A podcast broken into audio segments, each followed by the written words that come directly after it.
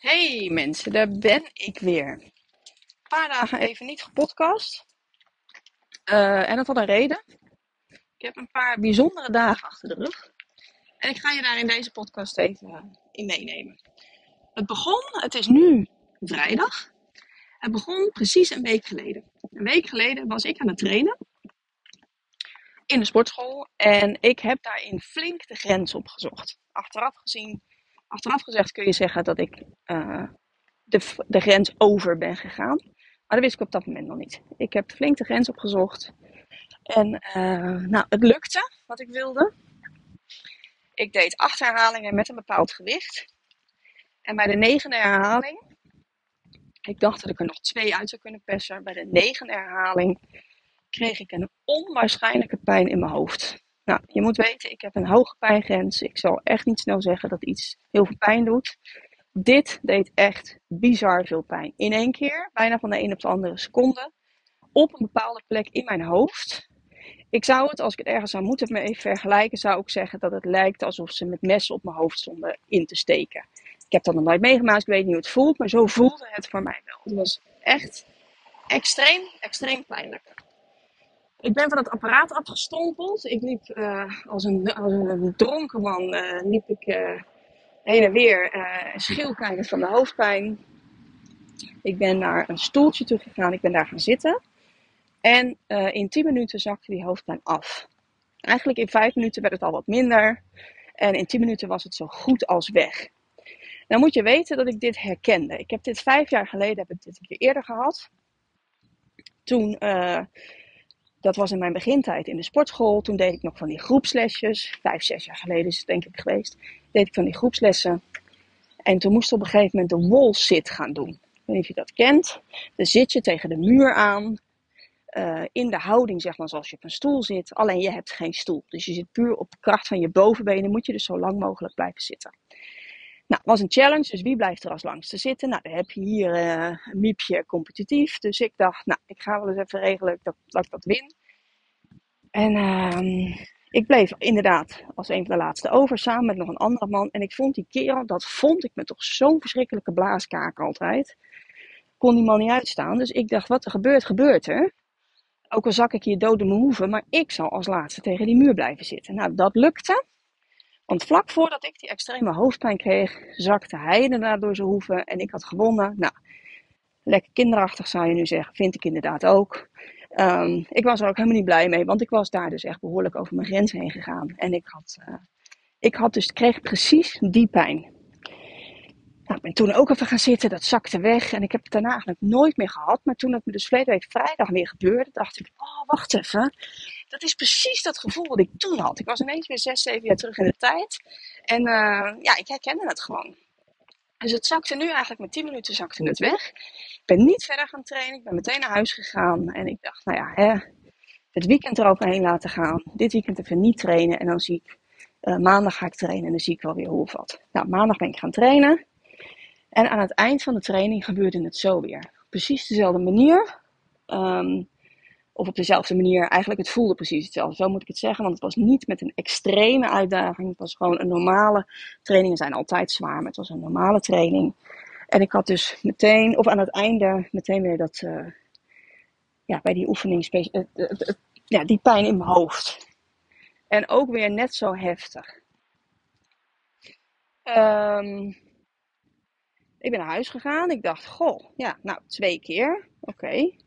Dat is niet heel tof. Maar hè, ik weet dat je ook inspanningshoofdpijn kunt krijgen met bijvoorbeeld uh, te weinig drinken of als je je ademhaling niet onder controle hebt. Dus ik dacht, nou weet je wat ik doe? Woensdag als ik weer ga trainen, dan ga ik uh, heel goed opletten dat ik voldoende gedronken heb. Nou, dat is meestal bij mij wel op orde, maar ik ga heel specifiek op mijn ademhaling letten, want misschien zit het hem daar wel in. als je je ademhaling vastzet en je blaast aan je hoofd, eh, zeg maar, een soort van op, ja, dan kun je natuurlijk ook hoofdpijn krijgen, kun je je voorstellen. Dus afgelopen woensdag, dus nu dus twee dagen geleden, ging ik weer naar de sportschool. Ik begin altijd mijn trainingen met een, uh, opwarmgewicht. Dat betekent, stel dat ik een schouderoefening wil gaan doen en ik doe dat met, nou, noemen ze wat, 30 kilo. Dan begin ik altijd die specifieke spiergroep op te warmen met dezelfde oefening, maar dan met 15 kilo. Hè. Zo maak je die spier warm voor dat wat je van hem gaat vragen. Dus ik zat nog in mijn opwarmgewicht. Met een oefening die ik helemaal niet zo heel zwaar vind normaal gesproken. En dus ook echt een licht gewicht. En binnen een seconde, huppakee, precies op diezelfde plek, weer dezelfde pijn. En toen vond ik het niet meer grappig. Toen dacht ik, ja, hier moet je echt even wat mee doen. Ehm, en ik zei tegen mezelf, Shirley, wat zou je nu tegen een ander zeggen? En toen dacht ik tegen een ander, zou je nu zeggen, dit moet je even laten checken. Weet je, een keer oké, maar je hebt het nu drie keer gehad. Hier moet je even mee naar de huisarts. En uh, ik denk bij mezelf, oké, nou als ik dat tegen een ander zou zeggen, dan uh, moet ik het ook tegen mezelf zeggen, moet ik het ook doen. Dus ik loop de sportschool uit en ik, loop meteen, ik bel meteen de huisarts op. Um, en ik wist dat mijn huisarts op vakantie was. Uh, en dat er een waarnemend arts zou zijn. Dus meestal is het dan hartstikke druk en duurt het even dat je terecht kunt. Nou, ik kon dezelfde middag kon ik terecht. Ze hoorden mijn verhaal aan. Bij onze huisarts moet je altijd vertellen wat er aan de hand is. Snap ik ook wel, want dan kunnen ze inschatten van hè, bel je voor een snotneus of bel je voor iets belangrijks. Nou, en dan schatten zij in uh, wanneer je moet komen. Ik kon meteen komen. Ik heb dat op dat moment niet, niet bedacht dat zij er spoed achter zetten. Ik dacht gewoon, nou, ik heb Marcel een plekje vrijgevallen, dus ik kan er naartoe. En uh, ik kom daar bij die, uh, bij die arts. En zij doet wat onderzoekjes en ze hoort mijn verhaal aan.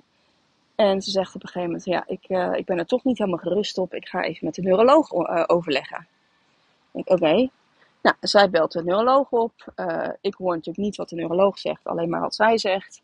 En ik hoor haar op een gegeven moment het woordje spoed zeggen. En ik dacht, hm, oké, okay, nou, zal wel. Want je moet je voorstellen, ik heb dus drie keer die extreme pijn gehad. Maar verder voelde ik me eigenlijk kip lekker.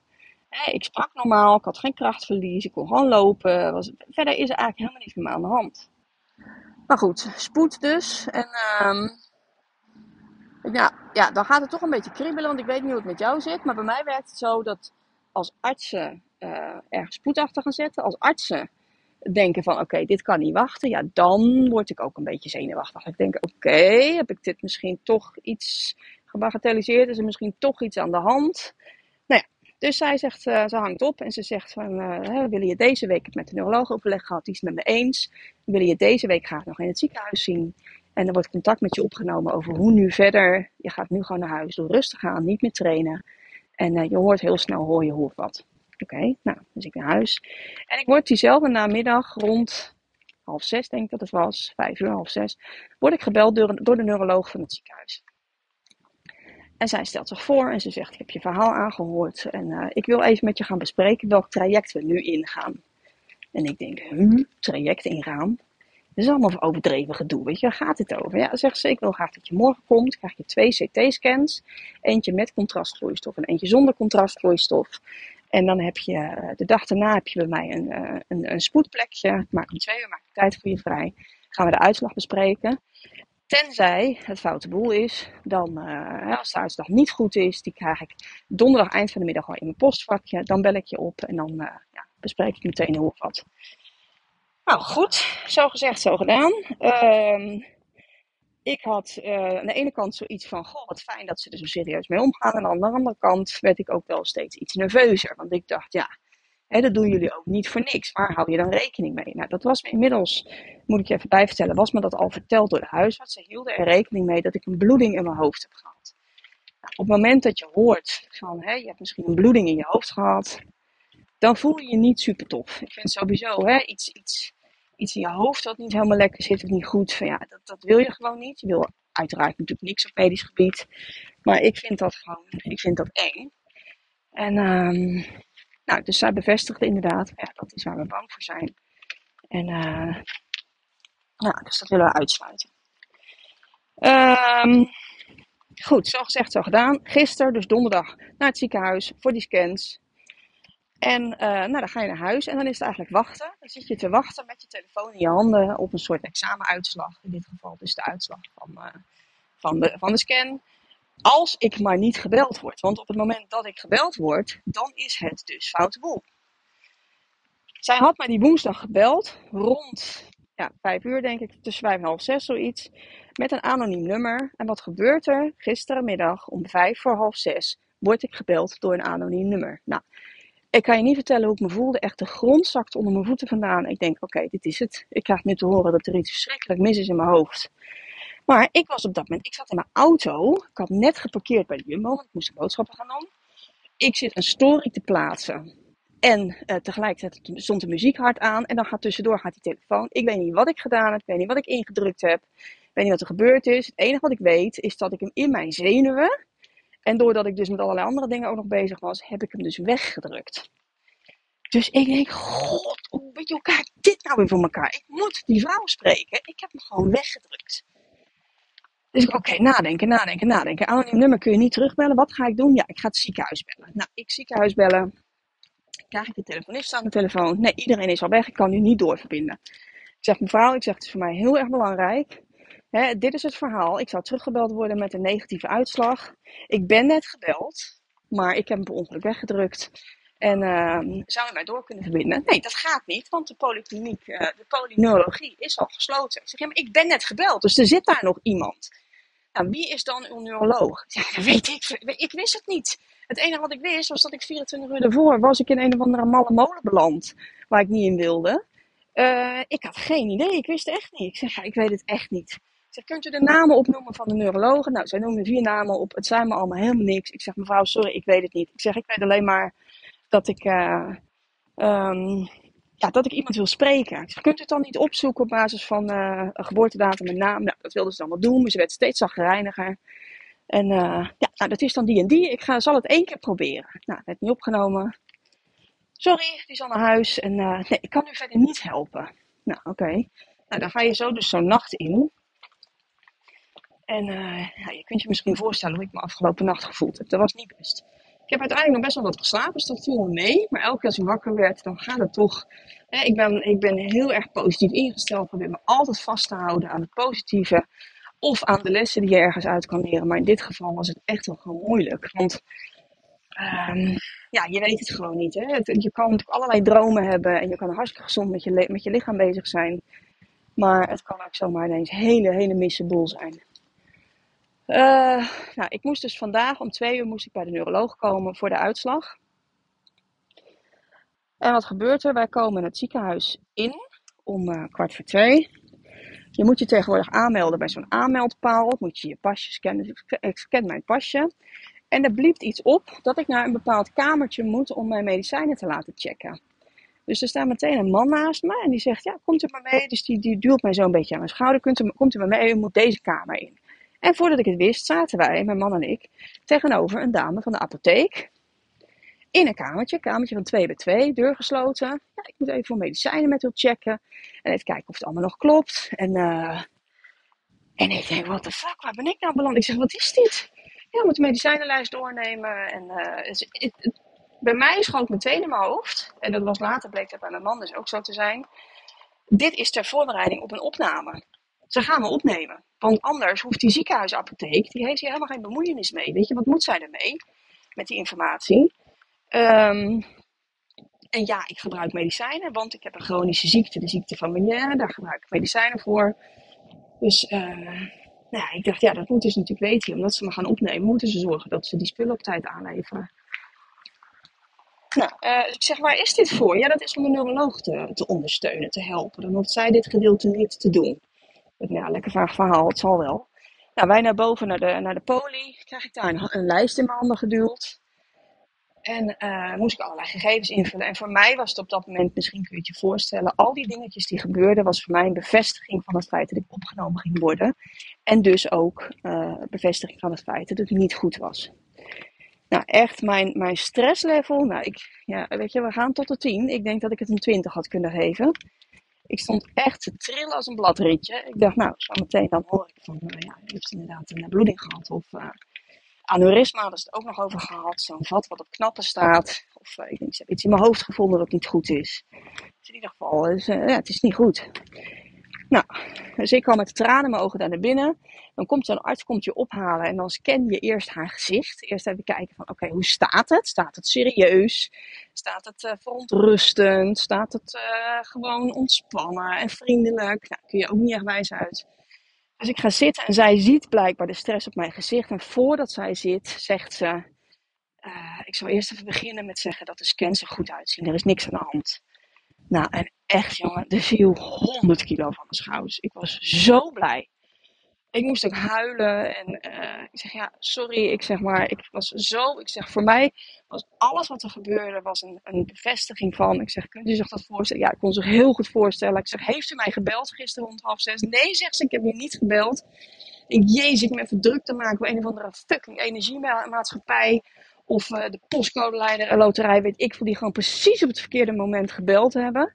Die check van die apotheek op vrijdag uh, in het ziekenhuis, dat bleek dus normaal te zijn. Dat doen ze dus tegenwoordig. Wist ik veel. Dus dat voor mij, hè, ik heb het allemaal heel verkeerd uitgelegd. Aanname, aanname, aanname, maar wel vanuit angst. Um, ja, wat het dan wel is, geen idee. Uiteindelijk is het een soort uh, kindje of een zusje van, uh, van migraine, maar dan wel atypisch. Uh, ik heb altijd atypische dingen. Ik ben natuurlijk ook een heel typisch mens. Um, ik heb altijd mijn hele leven lang. Ik heb altijd al dingen als ik iets heb. Ik ben zelden ziek, maar als ik iets heb, dan heb ik iets. Of wat niemand heeft, of wat artsen nog niet kennen. Of waar, altijd van die dingen waarvan ze, waar, waardoor ze met de handen in het haar zitten. Wat moeten we hiermee? Nou, that's me. Was nu dus weer zo. Ja, ja, ja, nee, het valt niet echt te rijmen. Maar ik heb dus die ziekte van Meniere. Dat is een ziekte, een aandoening aan je evenwichtsorgaan. Dat kenmerkt zich door draaiduizelingen. Door, uh, daardoor ga je heel erg braken. Ben je echt dood en doodziek. Uh, en dat zat aan dezelfde kant. Deze pijn zit aan dezelfde kant. Nou, we moeten nu even verder uit gaan zoeken in hoeverre het ene verband houdt met het ander. Um, maar ik heb zelf heel sterk het gevoel dat het met elkaar te maken heeft. Maakt helemaal niet uit. Kan ook niet schelen. Wat voor mij belangrijk is, is dat mijn hoofd gewoon in orde is. En dat er buiten alle gekke dingen die ik doe, dat er verder niet heel veel gekkigheid uh, in, me, in mijn hoofd te vinden was. Dus, um, maar de opluchting, ja, die opluchting was zo gigantisch groot. En het heeft mij in één keer, de afgelopen dagen, heeft me zo, zo weer met mijn neus op de feiten gedrukt. Dat gezondheid het aller, aller, allergrootste goed is dat je bezit ze zeggen zo mooi, een gezond mens heeft wel duizend wensen. Een ziek mens heeft maar één wens.